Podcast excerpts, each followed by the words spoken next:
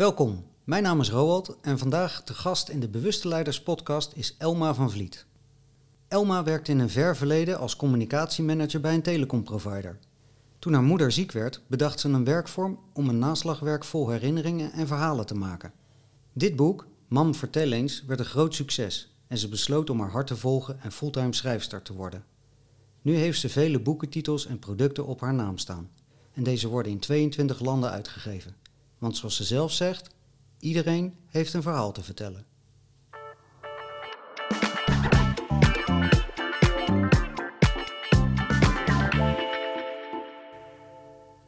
Vind je dit een leuk gesprek? Help dan het bereik te vergroten en deel de link via social. Hallo Elma. Goedemorgen, Roald. Hallo. Leuk dat je in de Bewuste Leiders podcast wilde aanschuiven. Ik vind het heel erg leuk om hier te zijn. Dankjewel voor je uitnodiging. Nou, dankjewel. Wij kennen elkaar al heel wat jaar. En toen ik met deze podcastserie begon, vond ik eigenlijk direct dat jij niet mocht ontbreken. Want jij hebt een missie. Jij Die bent ik, op ja. een missie. Een missie om mensen te verbinden. Dat staat er op jouw website. Verbinding gaat over echt contact maken. Tijd nemen voor jezelf en elkaar. Door de verhalen te delen die er echt toe doen, maken we de wereld een beetje mooier. Verhaal voor verhaal. Deel je met me mee? Dus toen rees bij mij de vraag, Elma, waarom wil jij mensen zo graag verbinden? Waarom wil ik mensen graag verbinden? Ik wil mensen graag verbinden omdat ik zelf meegemaakt heb eh, hoe het is om echt verbonden te zijn. En die ervaring is voor mij zo mooi eh, geweest dat ik dat eigenlijk iedereen gunde. En eh, het is allemaal voortgekomen uit een persoonlijke oorsprong. Mhm. Ja, en wat is verbinden voor jou dan?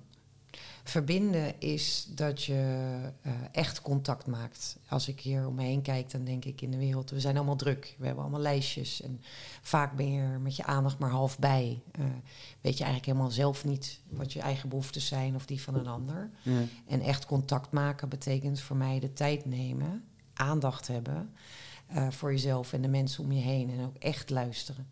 Ehm, en als je dat allebei doet, dan ontstaan er gewoon hele mooie dingen. ja.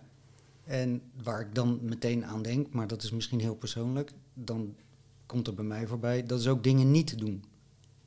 Absoluut. Eh, dat is het mooie aan keuzes maken. Ehm, keuzes maken is niet alleen ja zeggen, maar keuzes Mhm. maken betekent ook nee zeggen. Stoppen met dingen die niet bij je passen. Of ehm, stoppen met dingen waar je, die je heel veel energie kosten en die je eigenlijk niks opleveren. Ehm, en dan gaat de volgende vraag natuurlijk over, ja, hoe kom je daar dan achter? Ja, dat is een zoektocht. En volgens mij is dat waar het leven om draait. Ja. Want jij, jij hebt zelf ook een hele reis achter de rug. Ja, En nog steeds. We zijn, ja, we zijn allemaal reis. op reis. Ja, zeker. Ja. Ja. Ja. En hoe, hoe is dat voor jou? Prachtig en soms verwarrend. En ehm, kijk, als ik een stapje terug doe, en misschien is het leuk, jij noemde het boek Man Vertel eens, eh, om te vertellen hoe dat ontstaan is. Ja, absoluut. Eh, dat, we, ehm, dat we daar eigenlijk beginnen, want ik denk dat daar voor mij zo'n groot keerpunt in mijn leven zat. Dat nog steeds ik nu beslissingen maak terugkijkend van oké, hoe zat dat? Daar is een zaadje eh, geboren waar ik eigenlijk nu nog steeds eh, op, op teruggrijp. En hoe zat dat? Nou ja, eh, voor mij was het, ik, ik ben altijd opgevoed en zeker mijn moeder is groot voorstander geweest dat ik op mijn eigen benen kon staan. Mhm. Ze heeft me altijd verteld, het is belangrijk dat je gaat studeren en het is belangrijk dat je, nou ja, goed, je eigen weg kiest. En dat heb ik ook gedaan. Dus ik heb eh, heel hard gestudeerd en ik wilde heel graag naar het buitenland. Dus ik heb in Italië gestudeerd, in Amerika en Canada gewerkt en eh, had een fantastisch leven. Ja. Eh, altijd bezig met dingen ontdekken. En nou, op een gegeven moment ben ik teruggekomen naar Nederland. En toen ben ik aan de slag gegaan bij een bedrijf wat nu Orange heet. in de mobieltjes. En dat was een start-up, dus daar werkten nog maar heel weinig mensen. Het is nu heel groot, maar toen was het heel klein. Hè, toen hadden we nog geen landelijke dekking. Ehm, ehm, leuk, veel werken, veel pret, hard werken ook. Eh, en tussendoor ja, met vriendinnen op stap en altijd dingen aan het ontdekken.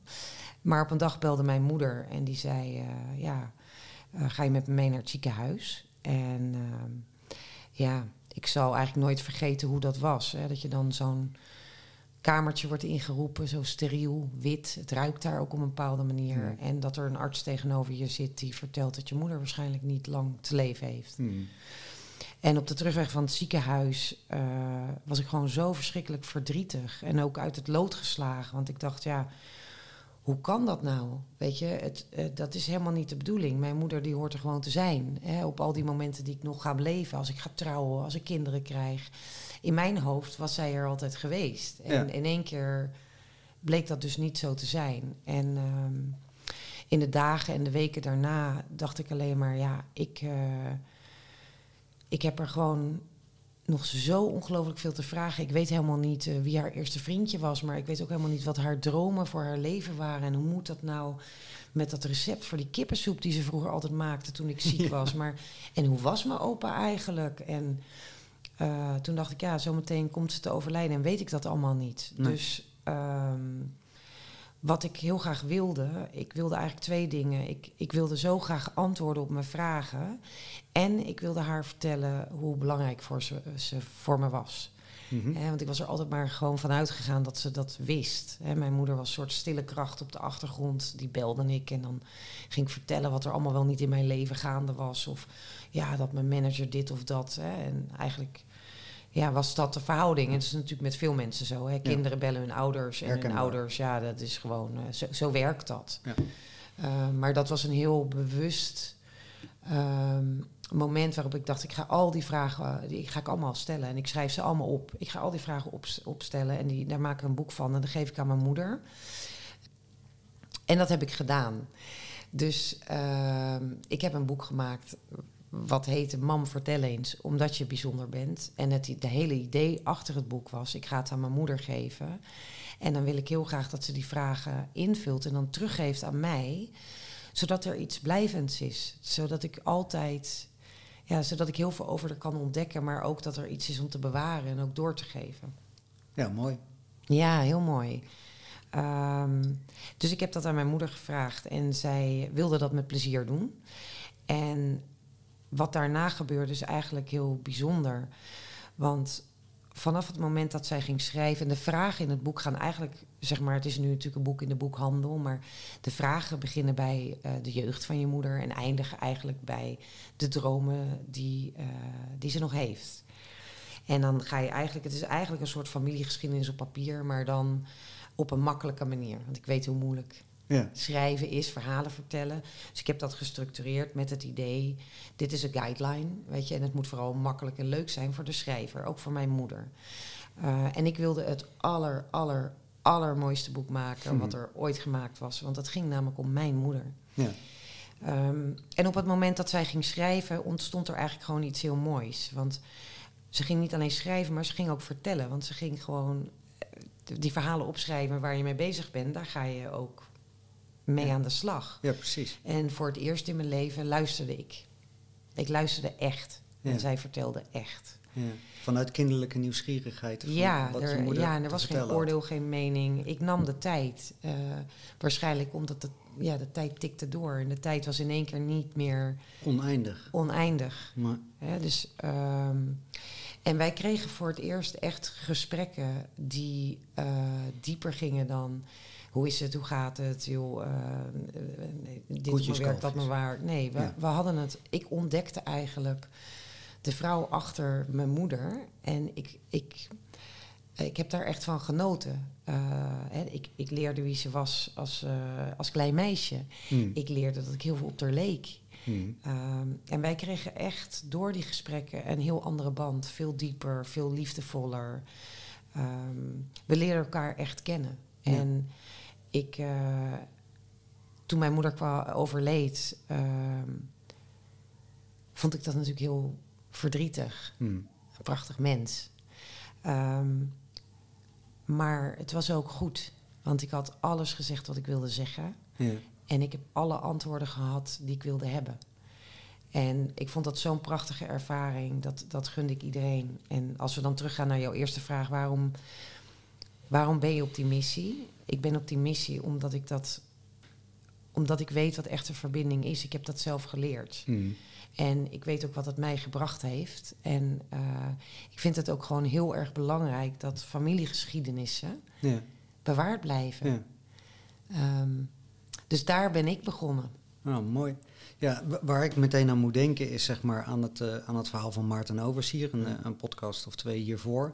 Dat, dat, het zo, dat we eigenlijk zo weinig weten van die voorouderlijke lijn, van, van die familielijn. En terwijl daar zoveel informatie en dat, dat zaken ook worden doorgegeven. En eigenlijk brengt jouw boek, een, legt een hoop bloot, geeft heel veel waarde en informatie over van, oh, waardoor kwartjes gaan vallen, zeg maar. Ja, Op, op, op een eenvoudige manier, zonder dat Ja. er iemand echt keihard zit uit te vragen, eh, Ja. gaan de verhalen zich tonen. Dat is heel mooi. Ik ben het helemaal met Maarten eens. Ehm, kijk, ik denk wat ik maak en ik, ik ben ervaringsdeskundige. En natuurlijk zijn mijn boeken gecontroleerd door psychologen. Ehm, maar wat, wat ik eh, belangrijk vind, is dat de geschiedenis, hè, je kunt allemaal eh, lezen wat er in de geschiedenis gebeurd is. Je zoekt een jaartal, dan krijg je de feiten. Ja. Maar je persoonlijke geschiedenis, weten waar je vandaan komt, weten wie jouw opa was of jouw overgrootvader. Of de, nou ja, goed, als je in die lijn kijkt, denk ik, hoe prachtig is het dat die verhalen bewaard blijven. Dan niet alleen de feiten, maar ook wie die mensen waren en waarom ze dachten wat ze dachten. Want de helft van wie je bent is eigenlijk de helft van wat je meekrijgt. Ja. En tegenwoordig, we appen wat af. En ik heb natuurlijk zelf ook gewoon een mobiele telefoon. Maar als je nu kijkt naar gesprekken... Mhm. Alles gaat met eh, emojis of kort of fragmentjes. En de kunst van het verhalen vertellen, dus echt de storytelling en zeker de familieverhalen, voor mij eh, denk ik het zo belangrijk dat je dat weet. Maar ook heel gaaf. Hè? Ja. Ik heb hier zelf een ingevuld gevuld boek liggen. En mijn hoop is eigenlijk dat het verhaal van mijn moeder eh, over 200 jaar gelezen wordt. Door mijn achter, achter, achterkleinkinderen. Ja, ja. Dan kunnen ze lezen over iemand die, nou ja, vijf generaties terug eh, de eerste televisie meegemaakt heeft. Ja, hoe gaaf is dat? Ja. Hè, dus naast het feit dat er hele belangrijke informatie over je familie in zit, denk ik het is ook een mooi portret van de tijdsgeest. Van hoe, je, hoe we leefden, eh, wat we deden, wat we dachten, wat er speelde. Maar ook wie je bent. Hè, ik denk als kind, maar ook als volwassene. Op een gegeven moment vraag je je natuurlijk af wie ben ik en waar kom ik vandaan. Mhm. En in zo'n boek staan gewoon heel veel antwoorden. Mooi. Ja, echt mooi. En het is ondertussen is het een hele serie. Ja, zonder een heel verkoopverhaal te worden, maar er is papvertellings en, eh, voor opa's en oma's. ja maar het is zijn ook dagboeken. wel mooi. En ook zonder daar een verkoopverhaal. Het is allemaal een beetje organisch verlopen. Kijk, ik heb het boek Mam vertellen eens in eerste instantie alleen voor mijn eigen moeder gemaakt. Ik Ja. had helemaal geen idee of geen wens. Ik bedoel, ik had een baan. En daar had ik heel lang voor gestudeerd. Ik, ik was er ook goed in. Ja. Uh, maar ja, toen gebeurde er zoiets ingrijpends in mijn leven. Dus ik had dat boek gemaakt. En ja, natuurlijk ontzettend dankbaar dat ik het aan haar heb kunnen geven. Maar voor mij was daar de kous af. Ik dacht, nou prima, dan ga ik gewoon weer terug. Ik heb gewoon een baan in Den Haag. Mhm. Maar toen kreeg ik een brief van een meisje. En die zei, beste Elma van Vliet. Nou, echt heel erg leuk dat het boek Mam Vertel eens gemaakt heeft. Maar mijn moeder is altijd afwezig geweest in mijn leven. Waar is dat boek van mijn vader? Mhm. En ik dacht, ja, dat is een goede vraag. Uh, en dat moment waarop ik dacht, ja, dat, dat is een hele valide vraag om te stellen. En ja, sterker nog, meid, je hebt helemaal gelijk. Dus in mijn hoofd dacht ik, ja, ga ik nou in de toekomst belminuten verkopen? Of ga ik proberen een bijdrage te doen om ja, één meisje dan te helpen? Ja. En ik koos het laatste. Dus daar heb ik er wel echt het roer om gegooid en mijn baan opgegeven. En ik dacht, ja, ik ga gewoon kijken of ik dat, uh, of ik dat leuk vind en of ik dat kan. En uh, ja, daar is eigenlijk besluit ontstaan dat ik dacht, ik wil een bijdrage leveren aan verhalen. En verhalen die er echt toe doen. En van het een is het ander gekomen. Hè. Dus voor het boek Pap vertel eens, ja, fantastisch. Bijvoorbeeld, uh, ik wilde graag namelijk ook weten van anderen uh, wat voor vragen zij aan hun vader Mhm. hadden. En aan vaders wat zij nog aan hun zoons en dochters wilden vertellen. Dus ik heb uh, allerlei avonden georganiseerd. Er stond ik hamburgers te flippen. Uh, en de biertjes te serveren. Want ja, ik dacht, ja, je moet een groep mannen bij elkaar. Nou, je krijgt dat maar eens aan de praat. Nou, fantastisch. Echt mooie avonden. Want ik stelde de vragen aan hen. En in één keer zie je dan ook dat er dan hele mooie verhalen op tafel komen... die je normaal gesproken op een sportclub of op een avondje, op een verjaardag... die bespreek je nooit. Nee. En van daaruit kwam weer de vraag... Dus het boek Pap, kwam, uh, Pap Vertellings kwam er... Uh, en van daaruit dacht ik, ja, weet je, er is nog een generatie opa's en oma's. En werkelijk, hè, die hebben zoveel mooie dingen meegemaakt. Dus ik ben daar allerlei ouderavonden, maar ook uitgenodigd in, nou ja, in locaties waar, waar ouderen bijvoorbeeld dagactiviteiten deden. En daar in gesprek gegaan. Wat willen jullie nog meegeven aan uh, jullie kleinkinderen? Wat moet onze generatie nog uh, echt weten? Ja, en dan hoor je ook weer verhalen waarvan ik, nou ja, die mij in ieder geval heel erg raakten. Ik kan me nog heel goed herinneren um, dat er een opa was en die, en die zat naast me. En nou ja, ik vertelde natuurlijk, nou ja, de Tweede Wereldoorlog is natuurlijk verschrikkelijk. En uh, hè, dat heb ik ook allemaal geleerd op school. Hmm. Nou, meisje, zei hij, dat is allemaal waar. Hij zei maar, wat, wat niet verteld wordt is, of wat je vaak niet ziet, uh, is ook de mooie verhalen. Hij zei, ik ben ongelooflijk verliefd geworden in de oorlog. Hmm. En hij zei, ik was zo verliefd op haar dat ik tijdens spertijd, het was dan haar, zijn overbuurmeisje of zo, dan kroop hij uit het raam en dan ging hij zo in het donker, ging hij een kus stelen en weer terug. En hij zei, we hebben kinderen gekregen in de oorlog en er was bijna niets, maar er was ook wel heel veel liefde en saamhorigheid. En zo'n verhaal denk, ja, hoe prachtig is, is dat om op te tekenen voor je kleinkinderen en om ook weer door te geven uh, op allerlei manieren. Ja, dus zo is dat eigenlijk ontstaan en zo is dat altijd gegroeid. Ja, maar wel, wel heel organisch. Ja. Eigenlijk. Ja. En toen was er een dag en toen zei je tegen je partner: Ik, uh, ik denk dat ik mijn hart ga volgen of mijn onderbuik of whatever wat ja. voor jou. Ik, uh, ik denk dat ik een brief uh, ga schrijven dat ik stop. Ja. En hoe, hoe, hoe ging dat voor jou? Was dat spannend? Ging dat heel organisch? Of zat er heel veel weerstand? Of vond iedereen in jouw omgeving daar wat ja, van? dat is natuurlijk spannend. Ik heb jouw vorige podcast geluisterd. En wel mooi om te horen dat iedereen eigenlijk dat wel... Je, je voelt dat, uh, dat je iets anders wil gaan doen. Maar aan de andere kant heb je heel hard gewerkt om ergens te komen. Je rijdt een auto van de zaak. En nou ja, je, je, je hebt carrière gemaakt. Hè, De mhm. carrière die je zo graag wilde. Um, en ik weet nog, ja, leuk dat mijn moeder hier dan ook weer verschijnt. Dat ik, uh, ik reed vanuit een zakelijke afspraak van, vanuit Arnhem terug naar, naar Delft. En ik had mijn moeder aan de lijn. Die zei, nou ja, mam, ik denk uh, dat ik er maar mee moet stoppen. En ik verwacht een heel verhaal van, joh, dat moet je niet doen, die oude schoenen. Nee, ik ken het allemaal. Mijn moeder zei, nou, ik denk dat dat goed is. Hm. Ik vind dat je de laatste tijd wat bleek om je neus zit. En uh, ja, nee, uh, goed idee. En ik nog zeggen, ja, maar mam, als ik stop, dan heb ik helemaal geen uitkering of iets. Nou ja, meisje, dat komt wel goed, joh. En de volgende dag heb ik een brief ingeleverd. En ja, dan krijg je natuurlijk... Ik weet nog dat ik tegen mijn uh, manager toen zei van... Nou ja, ik word dan... Uh, ik word auteur. Nou, die vond het echt ontzettend grappig. Die zei, nou, je gaat nog geen duizend boeken verkopen. of snowboardlerares. Ik zei, één van de twee. En uh, nou, dus die zei, nou, het is echt kansloos dit. En, uh, maar ja, joh, als jij dat wil, moet je dat vooral doen. Maar er waren natuurlijk ja, twee, twee groepen. Weet je, ik denk de groep mensen die me vanaf het begin heeft aangemoedigd, volg je hart. En ik dacht natuurlijk zelf ook, wat ben ik nou eigenlijk aan het doen, joh? Ik heb helemaal geen opleiding hiervoor, of ik weet het Want je had nooit de ambitie gehad om schrijfster nee, te worden? Nee, het is gewoon gebeurd. En ik voel, maar ik voelde wel heel sterk in mijn buik dat het belangrijk was. Hè? Echt mhm. heel belangrijk. Het was echt heel belangrijk. En natuurlijk hebben mensen allemaal tegen me gezegd... nou, je bent niet wijs. Weet je, je bent een mastersopleiding in Rotterdam... en je bent high potential. En, um, en ik begrijp dat ook. Ja, jij moest dingen met je hoofd doen, terwijl je nu ja, ging voelen en je ging je hart volgen. Ja, maar ja, je gaat ook een carrière opstarten waarvan je denkt, ja, ik bedoel, nu zijn uh, invulboeken heel gewoon, maar ik was mm. toen de eerste. Ja. Ik was de eerste en de boekhandels in Nederland zeiden toen ook, ja, er gaat echt niemand een leeg boek kopen. En ik bleef me uitleggen, ja, ja, ja, nee, maar ja, dat is, ja, een... ooit, is, uh, ooit is ook een krantartikel geweest, schrijfster van lege boeken. Toen dacht ik, ja, weet je wat het is? Het is natuurlijk, als je het koopt, is, een, is het een leeg boek. Maar het hele idee erachter is dat het het meest waarde, bladzijde voor bladzijde, wordt zo'n boek gevuld met waarde. Ja. En het is helemaal geen leeg boek. Mm. Wat dit is, is, wordt je meest belangrijke bezit, om het zo maar te ja, zeggen. Ja, is onbetaalbaar. Dus ik ben wel echt tegen de stroom ingevaren. En 100 keer 9 had 80 keer uitgelachen. Mensen, je bent niet goed. En joh, wat doe je nu? En weet je het zeker? En, en ik dacht, nou ja, ik weet het helemaal niet zeker. Ik hmm. voel het zeker. En uh, ja, toen ben ik gewoon begonnen. Ja.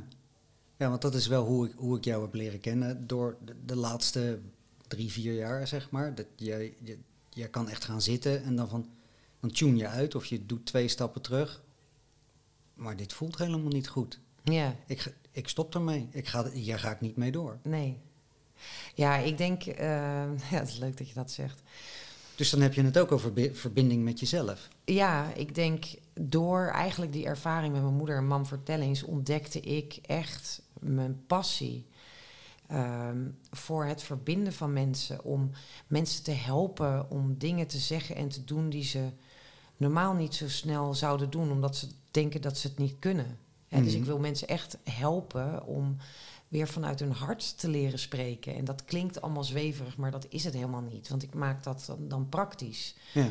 Eh, omdat ik denk dat als je zo leeft en je daar bewust van bent, dat je dan ook de herinneringen maakt waar je als je 80 bent met een glimlach op terugkijkt. In die end denk ik dat het helemaal niet gaat om dat huis of die auto of die fantastische reis. Waar het om gaat is dat je de herinneringen maakt ehm, die belangrijk zijn. En dat is vaak met de mensen die belangrijk voor je zijn. Mhm.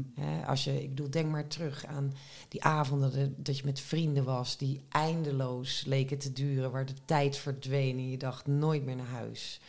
Of die knuffel die je krijgt van je kind, waar je denkt, zet het moment stop. Ja. Ja, dit is het, dit is het. Ja, zo'n wintersportweek van, van vijf, zes dagen erg op, Ja, op een berg met vier vrienden. Ja, en dan, absoluut. Ja, ja, die, ja, die, die, die die, momenten. week, ja, die momenten. Maar ook, weet je, binnen je gezin.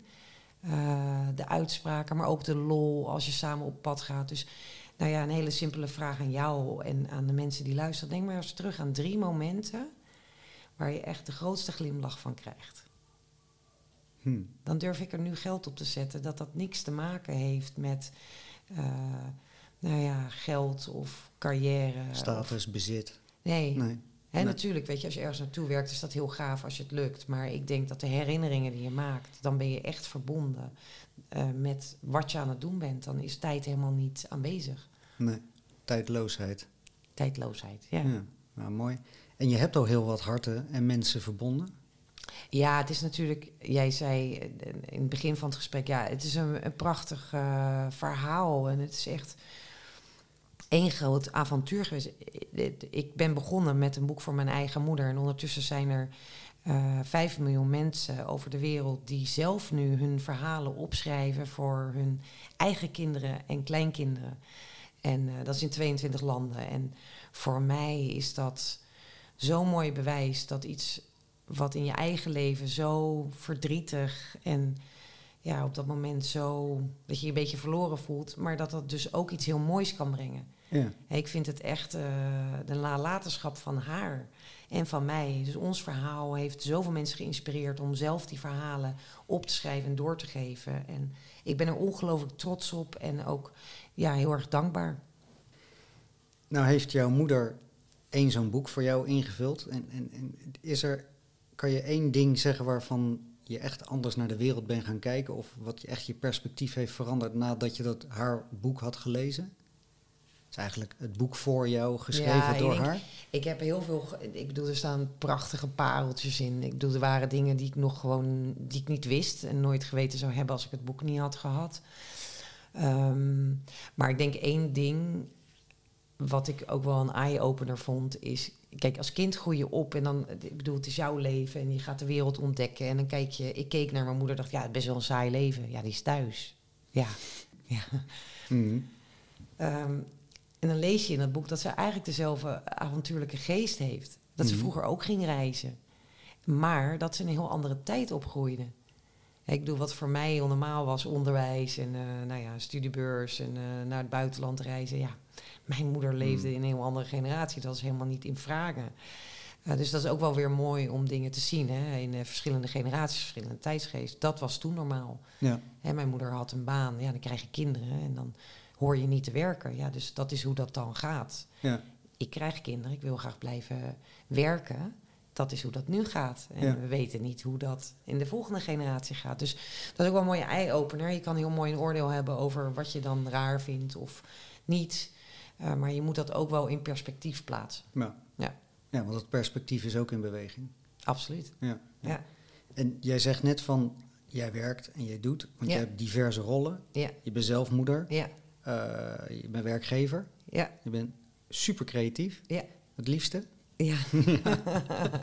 Schrijfster, maar je bent ook uitgever. ja, En je hebt dus je eigen uitgeverij. ja. En toen dacht ik van, oké, je hebt een bepaald concept en dat ligt bij een uitgever. Mensen regelen dat. En ehm, toen besloot jij, of toen kreeg jij de ingeving of het idee van... Hmm, ik voel me daar niet helemaal senang bij hoe dat gaat. Ja. Dat mijn werk is een soort verdienmodel in een bepaald package. En dat- Ja. ik wil niet dat, dat is niet de waarde die ik wil komen brengen. Nee. En toen besloot je van, dan ga ik het op mijn eigen manier doen. Ja, ik denk dat dat een beetje. Nee, je haalde het eerder aan.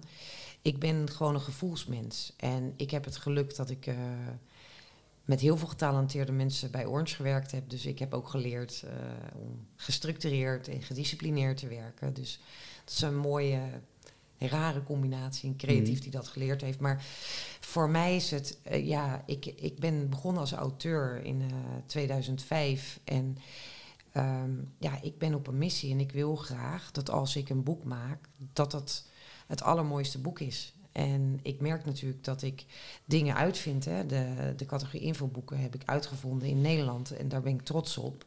Maar op een gegeven moment wil je ook weer verder. Mhm. En eh, ik geloof in bepaalde dingen en dan blijkt dat dat...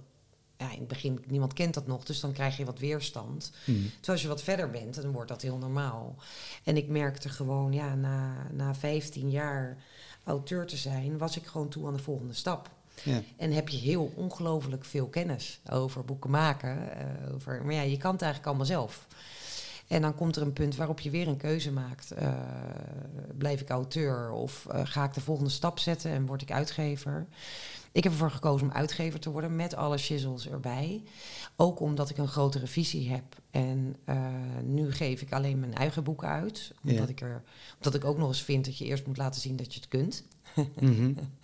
Ja, ik werd heel veel, en dat is, dat is natuurlijk heel, ik vind beschouwd als een groot compliment. Ik word veel benaderd door mensen, wil je mijn boek uitgeven? En ik heb, toen ik mijn uitgeverij in Nederland startte, gezegd, ja, dat, dat kan, maar dat is niet nu. Ik wil eerst alle facetten beheersen en ik wil het goed begrijpen en ik wil het ook goed doen. Mhm. Eh, nou, het, het fijne nieuws is dat het heel goed gelukt is. Ja. En ehm, dat de boeken die ik uitgeef ook van het kwaliteitsniveau zijn waarvan ik denk dat het goed is en dat ze ook bezield zijn. Er wordt niks afgeraffeld. Hè. Nee. Eh, er worden geen eh, hoekjes gesneden. Ehm, dus ik ben heel trots op mijn uitgaves. En in de toekomst zou ik het heel erg leuk vinden om ja, daadwerkelijk met, met andere mensen samen te werken. Om hè, mijn missie om harten te verbinden eh, op een grotere schaal te doen. Want dat is natuurlijk wel, ik heb 17 jaar kennis en ervaring. Ik heb alles gezien, ik heb alles meegemaakt. Eh, maar ik heb ook dingen gezien waar ik absoluut niet achter kan staan. Nee. Hè, ik geloof ook nog in eh, dat je, ik bedoel, je kunt, je kunt op bepaalde manieren zaken doen. Ik, ik wil dat graag op mijn eigen manier doen. Met plezier, met liefde. En natuurlijk moet je ook je rekenmachine erbij halen. Maar dat gaan we zien in de toekomst. Dus dat is, dat is eh, mijn volgende stap. En daar kijk ik ongelooflijk naar uit. Ja. En hoe is het dan om uitgeefster, naast schrijfster ook uitgeefster te zijn? Ja, ik vond het heel leuk. Ja, Ja, maar dat is iets heel anders. Ja, nou, er zitten natuurlijk dingen aan. Je, hebt, je leert ook eh, dat je. Ik leerde dat ik ongelooflijk veel kennis had, maar dat er, je leert ook hoeveel dingen je niet weet. Mhm. Ehm, maar gelukkig heb ik een hele mooie groep mensen om me heen die ik dan kan bellen. En Ja. dat ik echt denk, oh, oké. Maar ook, ja, weet je, mooi eh, met drukwerk. Ja, weet je, ik weet een hoop en nu weet ik nog meer. Ja. Eh, maar je maakt natuurlijk ook fouten. Ja, Ja. Dat, is, dat hoort er ook bij. Dat is ook opgroeien en ondernemen. En van je fouten leer je ook weer. Ja, jij bent wel een beetje van het type van... ehm, ik neem een besluit en dan ehm, screw it, let's do it. Ja, en ook weer niet. Ik probeer dan alle scenario's in kaart te brengen. Dus ik neem niet. eh, dus ja, daar heb je helemaal gelijk in. Ik volg wel altijd mijn hart. Want als ik dat niet doe, dan word ik niet. Dat klopt niet. Dan, Nee. als het niet klopt, dan word ik. Dan, dan verstar ik. Dus ik heb ook ondertussen geleerd dat.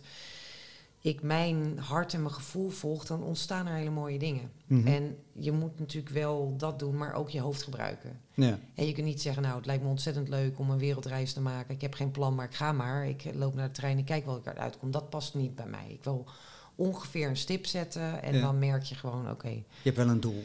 Absoluut. Als plan A niet werkt, dan heb je nog een heleboel letters in het alfabet. Weet je. En ik heb ook geleerd, je maakt een plan. En het plan loopt eigenlijk nooit zoals jij gedacht had. En dan moet je dus meedansen en meebewegen en oplossingen zoeken. Maar ik denk dat iedereen dat wel herkent. Weet je. Het is natuurlijk nooit zoals je dacht dat het zou gaan. Nee, nee maar jij blijft wel vooruit gaan. Absoluut. Ja. En, en soms met zeven mijls laarzen, grote stappen. En, En andere- soms even niet, eh, ja. Kleine stapjes, maar jij, Ja. jij blijft wel vooruit gaan. Ja. Vorig jaar kwam er ook een ander soort boek van jou uit. Ja, En dat heette Elma, vertel eens. ja, En dat ging over jezelf. ja, Of gaat over jezelf. ja, Over jouw proces. ja, In een heel, ja, in een boekvorm, echt in een verhaalvorm. ja. Hoe was dat voor jou om te maken? Ehm, dat, de, de reden dat ik het maakte is omdat ik eh columns schreef en mensen zeiden altijd ja.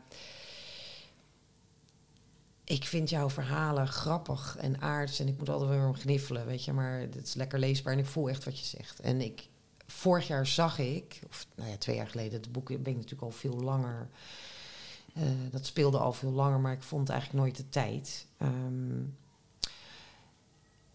wat ik om me heen zag en nog steeds zie, eh, is dat er een, een heleboel goeroes, lifestyle coaches, ik wil helemaal niet veroordelen, hè, maar die eh, mensen vertellen hoe je gelukkig moet worden. Mhm. Instagram staat er vol mee. Instagram staat er vol mee, absoluut. En eh, ik heb natuurlijk ook gedacht, nou ja, die hebben het antwoord, dus laat ik eens kijken. Mhm. Maar weet je wat helemaal niet bij mij past? Is om vijf uur opstaan om te gaan journalen. Om vervolgens tien kilometer hard te lopen, in mijn dagboek te schrijven, koude douche te schrijven. Ik kreeg er heel veel stress van. Mhm. Het werd weer gewoon echt een to-do-lijstje. En toen dacht ik, ja, weet je, ehm, Dus eigenlijk uit verbinding met jezelf. ja, nou ja, sterker nog, kijk, ik denk gewoon dat er maar één persoon is. En dat is ook de, waarom ik dat boek geschreven heb. Er is maar één persoon die kan bepalen wat geluk voor jou betekent. En dat ben je zelf. Dus in plaats van, hè, en boeken en personen en coaches en goeroes, die zijn er om je te helpen. Mhm. Maar niet om jou te vertellen wie je moet zijn en wat je moet doen. Ja.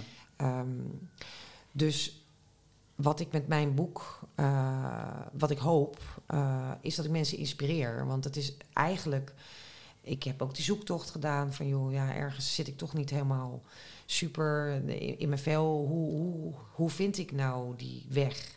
En dat heb ik eigenlijk in, eh, in twaalf verhalen opgeschreven. En elk eh, hoofdstuk eh, eindigt met een aantal vragen. Vragen om zelf eens over na te denken. Ehm, met als boodschap, de, er is maar één persoon die het verhaal van jouw leven kan schrijven. En dat ben je zelf. Dus ja, bij het verhaal van je leven hou je eigen pen vast. Ja. Weet je? En ik denk dat dat, ehm, dat, dat ook wel de, de leidraad is in alles wat ik doe en wat ik maak. Ik, doe, ik denk niet. Wat ik, ik zal je nooit vertellen wat je moet doen. Ik wil je wel helpen, maar Mhm. uiteindelijk, hè, dat zie je dus ook in de Man Vertel eens. Weet je, ehm, het is een boek wat jij koopt om vervolgens aan jouw moeder te geven en weer terug te krijgen. En ik vind het fantastisch eh, dat ik eh, mee mag helpen om, om, om dat verhaal eh, op papier te krijgen. Maar het is aan jou en het is aan jouw moeder. En of jullie er nou samen twee jaar over doen, of dat jouw moeder volgende week een weekend weggaat en denkt dat, nou daar ga ik een week op zitten, of dat je het samen vertellend doet.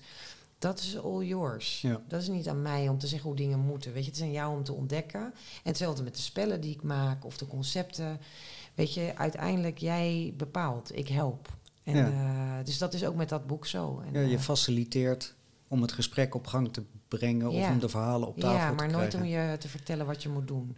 En ik denk dat dat belangrijk is, ook zeker in deze tijd waarin we leven. Hè. De, de, er zijn zoveel dingen gaande in de wereld, dat de wereld voor heel veel mensen eigenlijk een beetje een intimiderende plek is. Ik bedoel, zet je internet open, het enige wat je op je afkrijgt is natuurlijk een heleboel dingen die niet goed gaan. Mhm. En ik denk dat juist nu belangrijk is om bij jezelf te blijven en voor jezelf te bepalen wat is belangrijk voor mij, wat kan ik wel doen.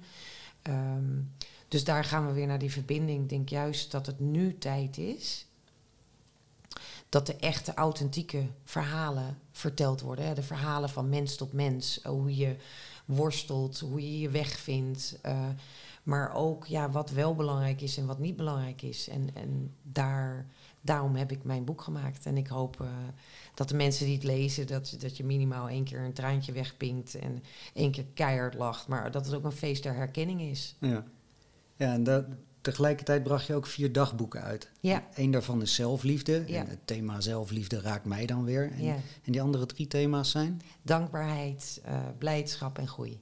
Oké. En waarom, waarom die drie, vier thema's bij elkaar? Ehm, als je kijkt naar Elma Vertel eens, het zijn, ik heb natuurlijk met heel veel mensen gesproken, heel veel boeken gelezen en zelf mijn eigen verhaal op papier gezet. Er zijn gewoon een aantal dingen die constant terugkomen eh, hè, bij iedereen. Hmm. Ehm, dankbaar zijn bijvoorbeeld. Ehm, als jij naar de wereld kijkt en je bent dankbaar, hè, dus ik doe, neem een normale dag, een maandag, daar Mhm. gaan 15 dingen fout, 20 dingen goed. Mhm. En at the end of the day, hoe kijk je dan naar alles wat niet goed gegaan is? Of kijk je naar, wauw, fantastisch, weet je, Mhm. ik heb toch die knuffel gehaald, ik heb dit gedaan. Andere energie. Ja, het is heel andere energie, weet je. Ehm, zelfliefde, als jij niet van jezelf houdt, hoe kun je dan van anderen houden? Mhm. Dus daar begint dan weer bij. En waarom heb ik nu ja, eh, guided journals gemaakt? Omdat ik geloof dat schrijven helend is. Ehm, dat geloof ik niet alleen, dat is natuurlijk in honderdduizend wetenschappelijke artikelen aangetoond. Waarom?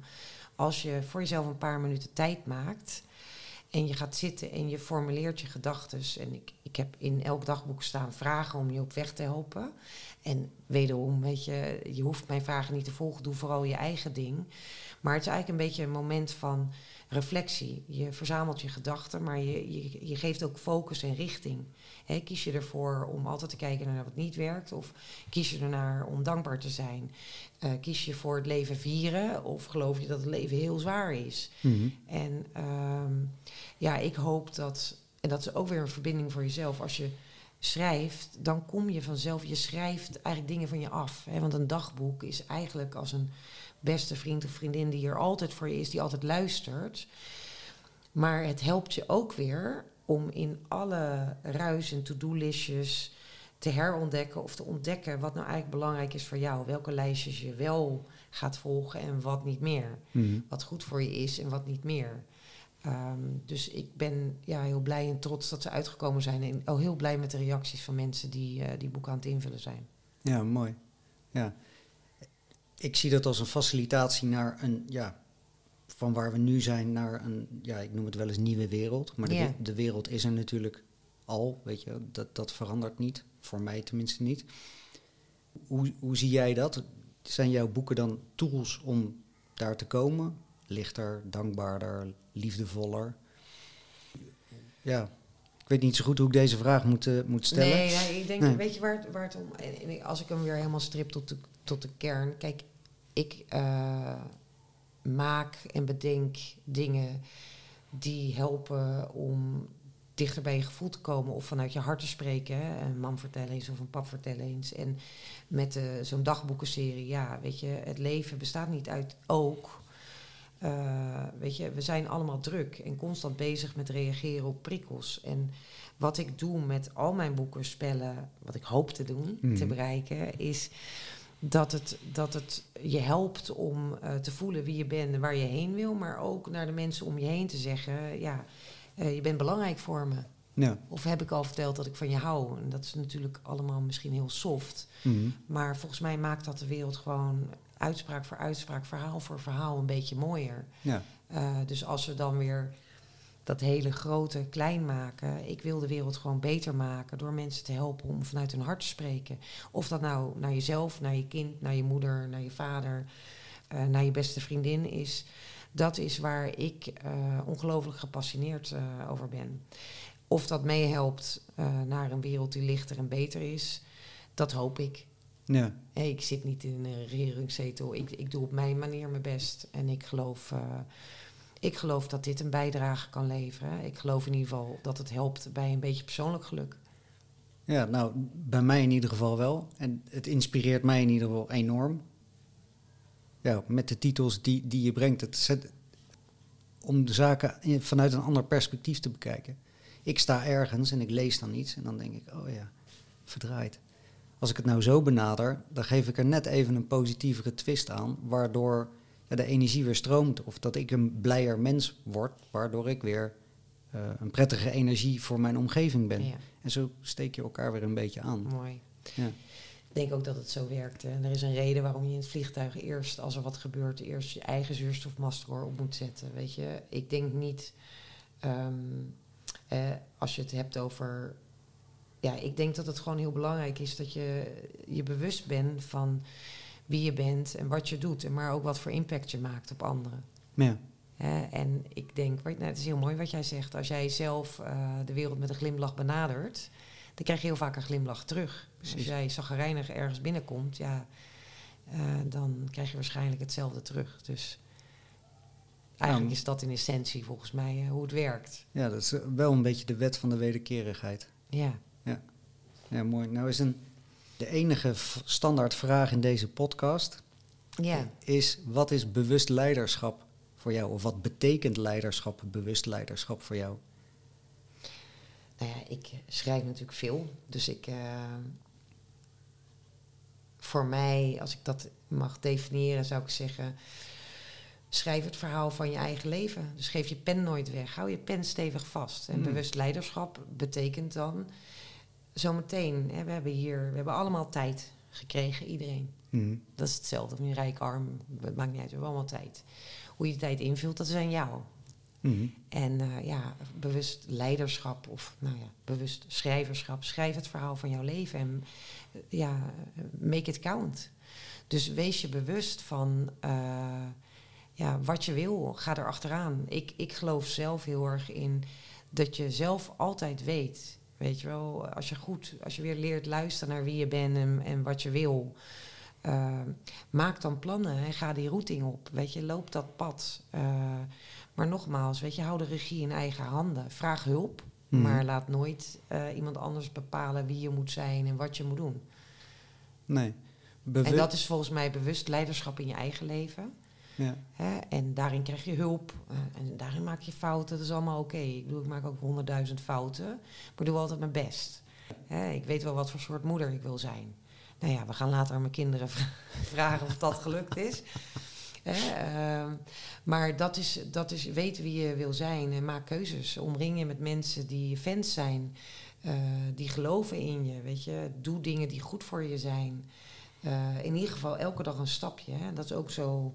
Wordt een hele lange definitie. eh, sorry, Ro, het is een lang antwoord op een korte vraag. Maar weet je, ik spreek veel mensen. Ik help graag ook mensen in, op hun pad. En ze ja, maar ik kan allemaal niet starten, want ik heb er nog niet mijn businessplan af. Of mijn Mijn visitekaartjes, mijn ze- visitekaartjes. zijn er en nog ja, niet. en ik weet helemaal niet of het dan wel goed uitpakt. Ja, dat is de whole point. Dat Ja. weet je nooit. Dus Nee. Kijk, als jij nu denkt van joh, ik wil mijn carrière opgeven en ik wil een kinderboerderij runnen, denk ik ja, start smal. Ga eens een dagje als vrijwilliger op de kinderboerderij helpen. Weet je, Mhm. het hoeft allemaal niet. Elke dag een stapje, dan kom je er ook. Ja. Dus bewust leiderschap eh, zit in, in, in twee facetten volgens mij. Je leeft je leven, heb er een beeld bij. Weet je, wat, wat makes you tick en hoe ga je zelf ook eh, anderen blij maken. Dus eh, wat jij net heel mooi zei, en dat hoeft helemaal niet op een grote schaal. Weet je, het is ook gewoon, ja, weet je, als je buurvrouw ziek, haal even boodschappen. Je eigen inner circle. Ja. maar ook, weet je, doe eens iets geks. Ik had eh, een paar maanden geleden, had ik eh, via LinkedIn, vond ik heel erg leuk. Had iemand gezegd, ja, weet je, eh, het was volgens mij, nou ja, goed. Iemand zei van, laten we de wereld een beetje beter maken. Nou, ja, prima, wie doet er mee? Je moet iets geven aan een ander zonder dat je wat terug verwacht en die persoon mag je niet kennen. Dus ik had een paar Mhm. bossen bloemen gehaald. Ik dacht, ja, dus ik zag gewoon een oudere mevrouw lopen. En ik zei, nou, goedemorgen mevrouw, het ziet eruit mooi. Ik wil u graag bloemen geven. En eh, ik hoop dat ze mooi staan op je keukentafel. Mevrouw helemaal ontroerd. Dat heeft nog nooit iemand gedaan. Toen dacht ik, het is niet zo moeilijk, hè? Nee. Weet je, de bloemen kun je ook plukken als je geen budget hebt. Of je bedenk iets. Uh, dus dat is ook leiderschap. Dat is wel mooi. Je kunt gewoon altijd Ja. wel wat brengen, weet je. Kijk naar je cirkel van invloed. Kijk waar je kunt helpen. Um, ja, dat is uh, op, op persoonlijk niveau. En op zakelijk niveau. Ik heb het geluk dat uh, ik ontdekt heb waar mijn hart sneller van gaat kloppen. Uh, ik ben daar ongelooflijk gedreven in en doe dat op mijn eigen manier. Ja. Het werkt voor mij. Ja. Ik heb heel lang geprobeerd om dan maar weer... Ja, dan is er waarschijnlijk wel een model of zo. Ja, in die end denk ik, ja, ik, ik, ben heel dankbaar voor het succes wat ik heb. Ehm, en ik hoop en denk dat mensen voelen met hoeveel liefde ik doe wat ik doe. Mhm. Dat je dat voelt in de boeken die ik maak. Ehm, en op zakelijk niveau denk ik, ja, dat, het is zakelijk en privé zijn eigenlijk niet zo goed uit elkaar te halen. Maar ja, be a good leader. Kijk naar de mensen met wie je werkt. En kijk hoe je eh, jouw bedrijf of jouw business eh, op zo goed mogelijke manier kunt runnen. Ja. ja. Je zei in het begin van de, toen ik net de vraag had gesteld, toen haalde ik er eigenlijk uit, schrijf bewust je eigen verhaal. Ja, Dus wees je bewust van het verhaal wat je aan het schrijven bent. Ja. Dus niet alleen in de toekomst, maar Ja. ook in de huidige tijd, vandaag ja. eh, en morgen. En maak het verhaal ook niet te... Zet, de marker niet te ver weg. Nou ja, weet je wat is is wel mooi dat je hem aanhaalt. Kijk, een boek, je schrijft niet hoofdstuk 13 eerst. En dan hebben we vaak de neiging van, ja, maar wat als? Wat Ja. als? Ja, vandaag is de dag, hè. Er staat gewoon een datum boven. Ja. Je leeft vandaag. Droom over morgen en leef vandaag. Mhm. Ehm, dus dat is het inderdaad. Weet je, je schrijft, iedereen schrijft. Weet je, niet alleen schrijvers. Jij schrijft ook. Iedereen, die, iedereen schrijft het verhaal van zijn leven. Maakt er wat moois van. ja, dat is mooi. Ja. Daar moet ik echt even over nadenken. ja. Je persoonlijke verhaal schrijven is dan ook iets van persoonlijke ontwikkeling. Een heel Ja. proces. Ja. En hoe is dat proces dan voor jou? Dat zal ook zijn ups en zijn downs, Absoluut. zijn highs en zijn lows Ja, hebben. kijk, in Elma vertellen eens, het heet ook een verhaal, weet je, het is een verhaal over verbinding. Ik merkte gewoon heel erg dat ik in de drukte van alles weer de verbinding met mezelf kwijtraakte. Ehm, dus ik begon echt de zoektocht om dat weer terug te vinden. En zo'n proces, ja, dat duurt en is ingewikkeld en Mhm. rommelig. En, ehm, Mag ik vragen wat je dan ingewikkeld vindt? Nou ja, ik had gehoopt dat er een soort gebruiksaanwijzing zou zijn. Ja. Hè, doe deze, ja, de Instagram die, waar we net om moesten lachen. Doe, Doe deze, deze, tien dingen en het is helemaal, het is helemaal helder. Weet Mhm. je? Ja, zo werkt dat niet. Wat er in je hart speelt moet je ontdekken. En je bent vandaag wie je bent en wie je morgen bent. Ja, daar kun je, daar kun je over nadenken. Maar goed, uiteindelijk is het ook een kwestie gewoon van dingen gaan doen en dingen niet meer doen. En maar ook gewoon weten, voor mij heel erg, eh, even opnieuw bepalen. Wat ik voor mezelf gewoon heel erg merkte, is dat de tijd heel snel gegaan was. Er gewoon een hoop gebeurd. Mhm. Hè, eh, mijn moeder was overleden. eh, ik ben uit elkaar gegaan met de vader van mijn kinderen. En wat je eigenlijk moet doen, wat ik moest doen, Mhm. is de balans opnieuw opmaken. Ja. Ik was niet meer dat meisje met de moeder met het boek. Ik was een vrouw met twee kinderen, die heel belangrijk voor me zijn, met een missie. Maar je kunt niet alles. Het maakt het leven makkelijker als je voor jezelf heel duidelijk weet. Nou ja, dit is belangrijk voor, me, voor mij, dit is hoe ik ongeveer functioneer. Mhm. Ehm, en, en, en dit is wat echt belangrijk voor me is en waar ik ja tegen zeg. En wat is jouw manier van op zoek gaan dan? Hoe heb, wat is jouw proces daarin geweest? Hoe ben je gaan zoeken? In, Ja, ik ben gestart en dat is wel heel mooi. Ik ben gestart door echt even een time-out te nemen. Ik ben naar Kamalaya gegaan in Thailand. Ehm, ik was heel moe en eh, ik, ik ben daar yoga, gezond gaan eten, tien dagen. En daar was ook een, eh, een eh, je moest je telefoon inleveren. En, eh, ik kreeg natuurlijk helemaal paniek van, want ik dacht, ja, hoe moet dat nou? Weet je, ik bedoel, hallo, telefoon niet en ingewikkeld en zo. Nou, Ver voel je je ja. ver weg en ik, eh, nou ja, goed, maar toch ingeleverd. En dan voel je eigenlijk na twee dagen de rust. Want je bent niet de hele tijd afgeleid. Je gaat niet checken, je heeft nog iemand geappt of moet nog een appje sturen. Of, en de wereld draaide ook gewoon door zonder mij. Dat is ook wel mooi, hè? Mhm. En wat ik daar deed, ik ben gestart met yoga. En eh, ja, weet je, ik nam het allemaal toen op dat moment veel te serieus. En eh, yoga vond ik wel een mooi voorbeeld. Ik, ik stond op we gingen ook mediteren. En eh, nou, ik zat er op zo'n mat. Nou ja, goed. Ik, ik dacht gewoon, ja, als je gaat mediteren, dan wordt heel rustig in je hoofd. Nee, dat werd echt chaos. ik bedoel, honderdduizend gedachten. En ik dacht alleen maar, hoe laat is het? En die meneer naast me, en ik hoor hem ademhalen. En mag ik opstaan? En, Hè, maar dus ook gewoon dingen proberen. En na twee dagen of na een week, dat is dan nog wel even grappig over bijvoorbeeld dat mediteren. Na een week ging ik zitten en werd het stil. Toen dacht ik, oh, oké. Wauw, Ja. rust. Eh, dus het is ook dingen ontdekken van wat past bij je. En niet overal op reageren, niet overal meegaan. Yoga nog zoiets. Ik ben groot liefhebber van, uh, van yoga. Het is goed voor mij. Het past Mhm. bij mij. Ik, uh, ik word daar heel rustig van. Dan gaat mijn lijf weer stromen. Hè. Vaak als je druk bent, dan trek je je schouders omhoog. Ja. En dan, ja, dan gaat, ga je heel erg in je hoofd zitten. Voor mij is dat een hele mooie manier om de boel weer te laten stromen. En ja, je hebt ook, in ieder geval, ik had gewoon dingen op te lossen, vraagstukken te beantwoorden. Dingen los te laten. En dat is nog niet zo makkelijk. Hè? Want je hebt de manier waarop je je leven leeft. Dat is helemaal goed. En dat is ook prima. Dus je moet helemaal niets. Mhm. Maar ik zat niet lekker in mijn vel. Dus dat betekent dat ik graag wilde. Nou, wat ben ik dan allemaal aan het doen? Wat is dan wel belangrijk? Wat is niet belangrijk? Wie ben ik? Wie Mhm. was ik? En waar wil ik naartoe? Ja, dan maak je eigenlijk de balans op. En dan zie je gewoon, ja, een aantal dingen die ik doe passen niet meer bij me. Een aantal mensen met wie ik omga, dit, dit geeft heel negatieve energie. Uh, en dan ga je terug en dan denk je, ja, ik heb het plaatje weer even helder. Um, en, en dan kan je ook echt wel aan de slag gaan. Ja. Met dingen oplossen of dingen niet meer doen. Of uh, dingen heroverwegen. Of ja, het roer weer omgooien. Of weer achter dat hart aan. Soms, ik geloof gewoon heel erg dat je de antwoorden... en dat is op allerlei vraagstukken. Je weet de antwoorden wel, maar je moet wel de tijd nemen om naar jezelf te luisteren. En dat duurt langer dan vijf minuten. Er is no quick fix. Nee, er is inderdaad Ik kijk ook heel streng als ik dit zeg. Ja. Maar het is ook wel... Het kan ook wel heel ingewikkeld zijn om die rust op te zoeken. Omdat we zo gewend zijn om afgeleid en geleefd te worden. Dus jij bent bewust daaruit gestapt. Ja. Ik weet ook dat als, als je ergens tegenaan loopt, dan haal je extern eh, hulp om je weer op, Ja. gang, op gang te, te, Ja. te brengen. ja, Of om eh, richting te krijgen van wa- waar je nou eigenlijk naartoe wil. ja.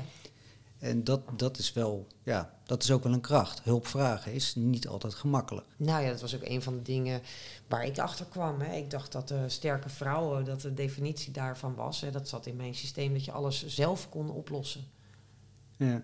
Alles zelf doen. Schouders eronder. En, ja, eh, dat kan. Ik ga toch niet om hulp. Ik wist ook niet hoe dat moest. Hè. Daar was ik gewoon heel slecht in. En Nee. nog steeds zal ik nooit eh Wat score vind je- 10 halen. Weet je, ik vind het ongemakkelijk. Maar wat vind je dan van de definitie... Oh, sorry. Ja, nee, maar dat is dus heel mooi. Hè? Dus als je dus kijkt naar... eh, jij vraagt weer, de- wat is dan je zoektocht? Nou, op zijn zoektocht kom je net als bij een reis... je komt een hoop dingen tegen. Een van de dingen die tegenkwam, hulpvragen... dat is niet iets wat ik eh, snel doe. Ik heb dat nooit geleerd. En dus ik weet, het zit niet zo in mijn systeem. Ik los het liever zelf op.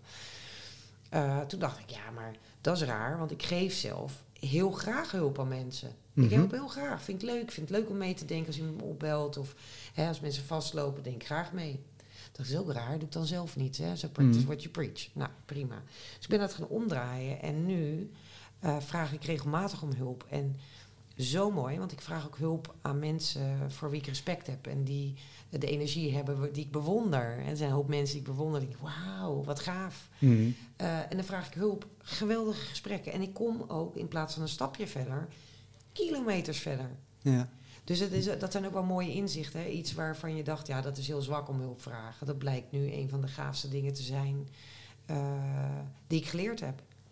Want ja, dan komen er ook in één keer allemaal leuke mensen in je leven binnen. Die zeggen, nou joh, ik bel nog even. Hoe gaat het nu met dat of dat?